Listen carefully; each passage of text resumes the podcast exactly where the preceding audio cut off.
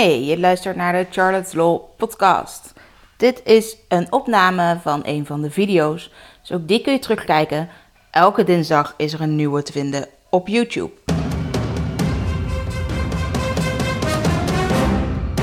Charlotte, de privacyjurist van Nederland. Hey, ben jij ook bezig met de AVG? Met de nieuwe Europese privacywet die ingaat vanaf 25 mei 2018? Ik ga het met jullie namelijk hebben over toestemming.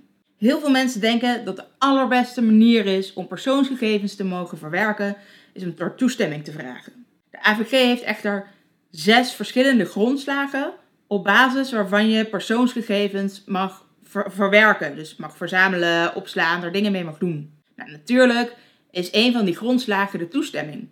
Maar eigenlijk is dat vooral een restbepaling.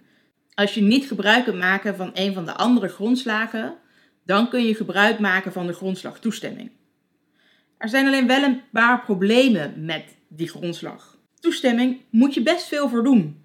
Bovendien moet je ook nog eens vastleggen hoe je die toestemming hebt verkregen en waarvoor dan precies, et cetera, et cetera. En, veel belangrijker nog, toestemming mag ook weer worden ingetrokken. En vooral dat is een probleem. Stel namelijk dat je gegevens van je klanten wil verwerken, omdat het ook gewoon nodig is voor de uitvoering van de overeenkomst. Dat is een van de andere zes grondslagen van de AVG.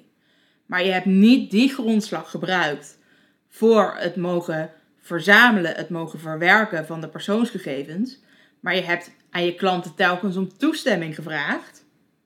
Als jouw klanten dan die toestemming intrekken, mag je niet alsnog zeggen: Oh, wacht even, geen probleem, dan ga ik wel naar een andere grondslag. Kortom, hoe ga je dan nog je overeenkomst uitvoeren?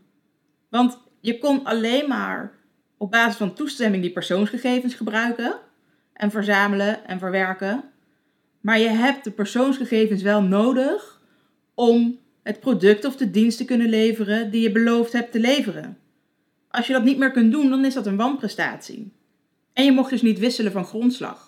Kies daarom dus alleen maar voor toestemming als je niet van een van de andere vijf grondslagen gebruik kunt maken. Toestemming is hartstikke prachtig voor alles wat extra is, maar als je er geen gebruik van hoeft te maken, doe dat dan niet. Wil je nou weten van welke grondslag jij het beste gebruik kunt maken? Neem met ons contact op, dan lopen we je werkwijze door en vertellen we je precies hoe jij het beste persoonsgegevens kunt verwerken.